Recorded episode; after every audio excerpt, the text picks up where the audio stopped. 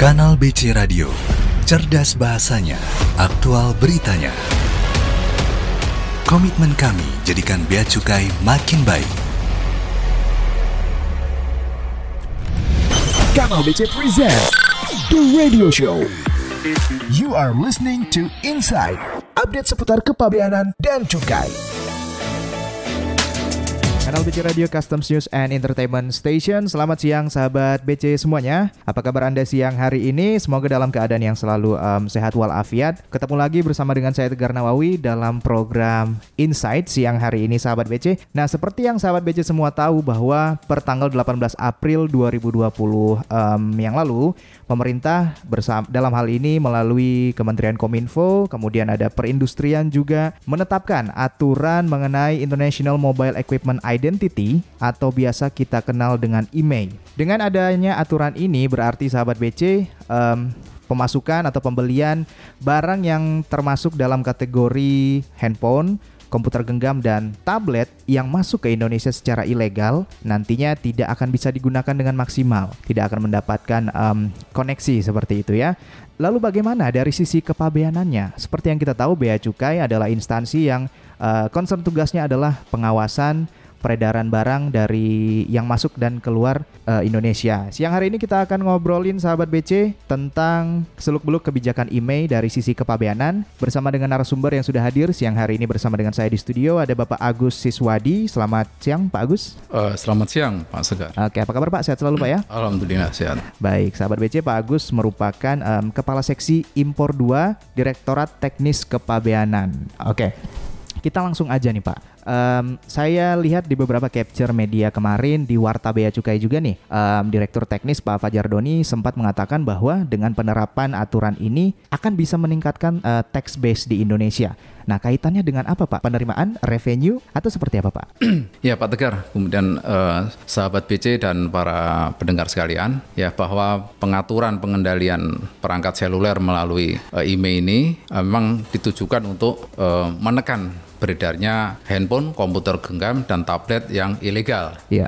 Yang ilegal artinya dia tidak dideklar dokumen kepabeanannya sehingga mm -hmm. juga biaya masuk dan pajak-pajaknya juga menghindar. Okay. Sehingga dengan penertiban melalui IMEI ini sehingga nanti masyarakat atau pengguna jasa akan komplain. Hmm. Komplain sehingga dia akan declare uh, perangkatnya di dokumen kepabeanan agar bisa digunakan. Karena kalau nggak dideklar, nggak dibayar pajak dan biaya masuknya, tentu nanti tidak bisa didaftarkan IMEI-nya. Oke. Okay. Nah, sehingga tidak bisa uh, digunakan untuk komunikasi sebagaimana mestinya. Harapannya seperti itu sehingga orang komplain taat pajak sehingga penerimaan pajak pun akan uh, meningkat. Oke. Okay.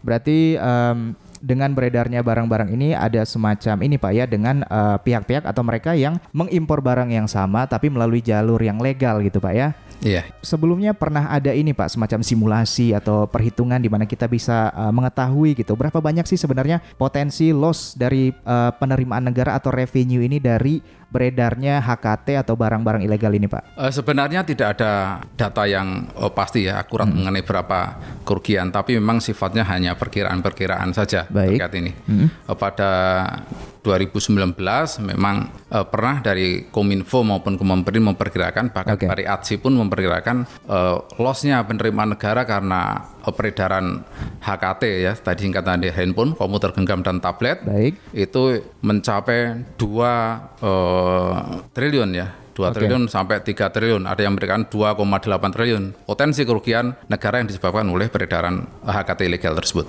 Oke, okay, baik. Jadi potensi uh, lossnya walaupun sebelumnya belum pernah ada publikasi resmi, Pak ya? Nggak ada resmi. Namanya ilegal tentu nggak ada yang tahu secara pasti, tapi yeah. perkiraan berdasarkan yang beredar di masyarakat dengan yang uh, resmi artinya diproduksi dan diimpor hmm. memang ada gap di sana emang. Itulah yang dihitung. Baik, uh, tadi perkiraannya 2 sampai 3 triliun. Nah, um, sekarang kita move ke sisi kepabeanan ya, kewenangan kepabeanan dan cukai, Pak. Nah, setelah 18 April 2020 itu, Pak, penyesuaian bea cukai apa, Pak? Uh, sahabat BC, jadi memang uh, penertiban handphone, komputer genggam dan tablet ini melalui IME ini memang menjadi program pemerintah. Sehingga uh, bea cukai pun mempersiapkan sejak awal sejak awal kita. Jadi eh, kita sudah menerbitkan Per nomor 5 tahun 2020 itu tanggal 17 April. Jadi pas 18 April saat itu pencanangan bahwa pengendalian IMEI mulai diperlakukan, kita sudah punya aturan itu. Nah, kemudian disusul lagi ada SE 12 yang mengatur tentang pendaftaran IMEI atas eh,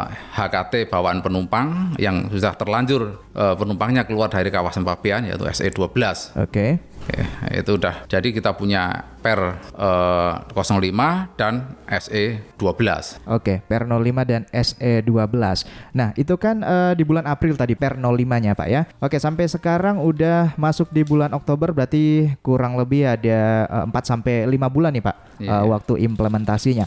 Nah, sepanjang 5 bulan ini seperti yang kita tahu kan eh, IMEI ini ada Kominfo, ada apa perindustrian juga dan ada bea cukai juga. Nah, dari sisi bea cukai ini, Pak, seberapa efektif sih eh, aturan yang diakomodir dalam eh, per 05 tadi untuk menekan peredaran HKT ilegal ini, Pak? Kita kalau melihat eh, efektif tidaknya peraturan ini memang eh, bisa salah satunya dilihat dari eh, jumlah penindakan yang ada ya. Oke. Jadi jadi memang eh, kecenderungan di tahun 2020 ini sejak em, kebijakan pengendalian eh, HKT melalui IMEI ini diberlakukan itu memang eh, jumlah penindakan sangat turun. Eh, Turun, Kalau dari data yang kita peroleh dari unit pengawasan itu Oke.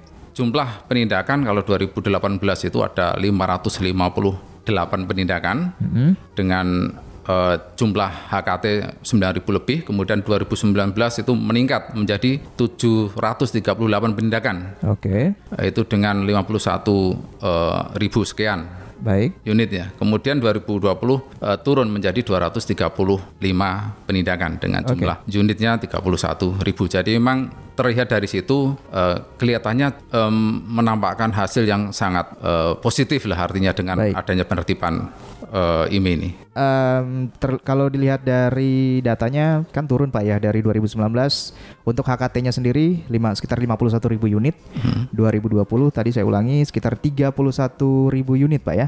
Nah adanya em, eh, dua angka ini bisa berarti dua sisi nih Pak penindakannya yang, yang makin oke gitu ya dengan adanya eh, aturan payung hukum yang baru atau mungkin em, sebenarnya masih banyak di sana yang apa yang masuk secara ilegal gitu Pak? Sahabat BC, jadi memang eh, peraturan ini kan ada bergeser ya, bergeser eh, secara tadinya direncanakan memang April 18 April, kemudian eh, pada prakteknya memang agak bergeser karena penyiapan sistem oke. dari kementerian terkait sehingga sempat pada waktu itu memang masyarakat menanyakan bener nggak ini udah diblokir? Dan kenyataannya masyarakat yang masuk secara ilegal pun masih masih bisa. masih bisa. Nah, sampai saat itu. Sampai tanggal 15 September kemarin baru yang masuk-masuk secara ilegal mulai eh, mulai merasakan dampaknya mungkin eh, sahabat BC dan para pendengar sekalian mungkin bisa lah melihat di medsos kondisinya seperti itu. Iya. Nah terkait tadi eh, penindakan saya kira Bea Cukai masih eh, melakukan tugas-tugas yang sama ya. oke So, tugas yang sama artinya dengan adanya pandemi seperti ini nggak nggak mengurangi lah dari unit penindakan untuk melaksanakan pengawasan terhadap pemasukan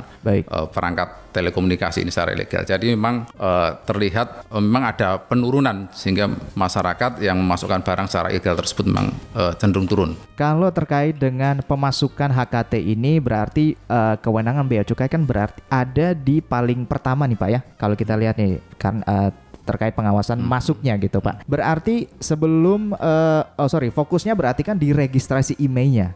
Berarti kan Pak kalau di bea cukai selain eh, pengawasan kepabeanannya. Berarti sebelum adanya aturan IMEI ini untuk registrasi IMEI tidak diakomodir sama sekali oleh bea cukai Pak. Sebelum pengaturan ini. Iya, iya. Nah, eh, bea cukai kan eh, fokusnya pada eh, ketentuan kepabeanan mengenai eh, dalam hal ini impor ya, termasuk di dalamnya HKT tadi. Nah, sebelum ada pengendalian email lewat eh, pengendalian HKT lewat email tadi, tetap bea cukai melakukan pengawasan terhadap importasi. Artinya dipastikan bahwa HKT tersebut sudah memenuhi ketentuan kepabeanan di bidang impor. Impor, Artinya, oke. ya dia declare di dokumen kepabeanan apakah lewat PIP, lewat eh, kiriman atau kan barang bawaan penumpang. Pengawasannya di sana sehingga Hmm, oke. sebelum ada ketentuan eh, pendaftaran IMEI ini ya Hmm. pengawasannya tentu pengawasan dalam urusannya dengan kepabeanan. Kepabeanan, Nah, setelah oke. adanya dengan penertiban atau pengendalian HKT melalui IMEI ini ada eh, tugas titipan artinya kita selain memastikan bahwa masuknya HKT tersebut eh, secara legal juga Ya. kita mendaftarkan HKT tersebut untuk Oke. didaftarkan eh, IMEI-nya ke kementerian terkait. Oke, jadi saya ulangi lagi kurang lebih uh, memang untuk registrasi IMEI yang di uh, pengawasan registrasi IMEI-nya oleh Bea Cukai itu baru setelah ada aturan ini Pak ya. Iya. Setelah 18 April. Baik, yang saya lihat di capture dari beberapa media nih uh, dari 18 April sampai dengan bahkan beberapa hari lalu nih Pak. Bahkan ada katanya di awal-awal itu justru sistemnya belum siap Pak pada saat uh, di awal-awal masa penerapan. Kalau untuk sisi pengawasan Bea Cukai sendiri Pak, seperti apa? Kalau dari sisi Bea Cukai memang uh, sejak ditetapkan 18 April situ sudah hmm. uh, IME penertibannya sudah dilaksanakan oleh pemerintah tentang itu. Okay. Uh, kita Bea Cukai awal sudah uh, melakukan pendataan artinya dan sosialisasi kepada masyarakat terutama yeah. ya PJT kemudian ke para penumpang, mm -hmm. penumpang mm-hmm. uh, awak sarana pengangkut juga yang membawa barang dari luar negeri terutama yang HKT itu mm-hmm. agar HKT tersebut uh, didaftarkan mm-hmm. didaftarkan ke bea cukai ya kalau harganya melebihi dari ketentuan barang bawaan penumpang okay. uh, tentu harus membayar pajak untuk yeah. yang di bawah ketentuan uh, walaupun tidak membayar pajak tetap kita daftarkan itu sejak hmm. 18 April apakah hal tersebut sudah dilakukan uh, penertiban atau enggak tapi yang jelas hmm. memang komitmen pemerintah pada tanggal 18 April itu sudah dilakukan penertiban sehingga bea cukai tugasnya karena kita selain memungut pajaknya ya kita mendaftarkan e, nomor IMEI-nya dan kita kirim ke e, Kemenperin atau ke SAIR.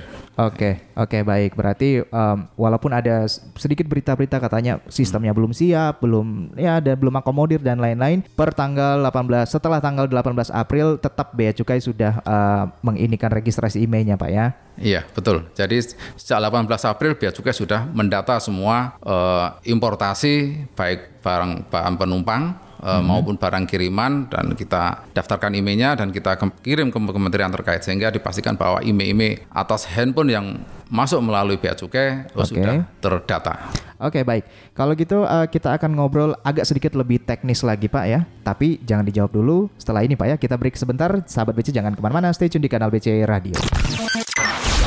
Kanal BC Radio, Customs News and Entertainment Station.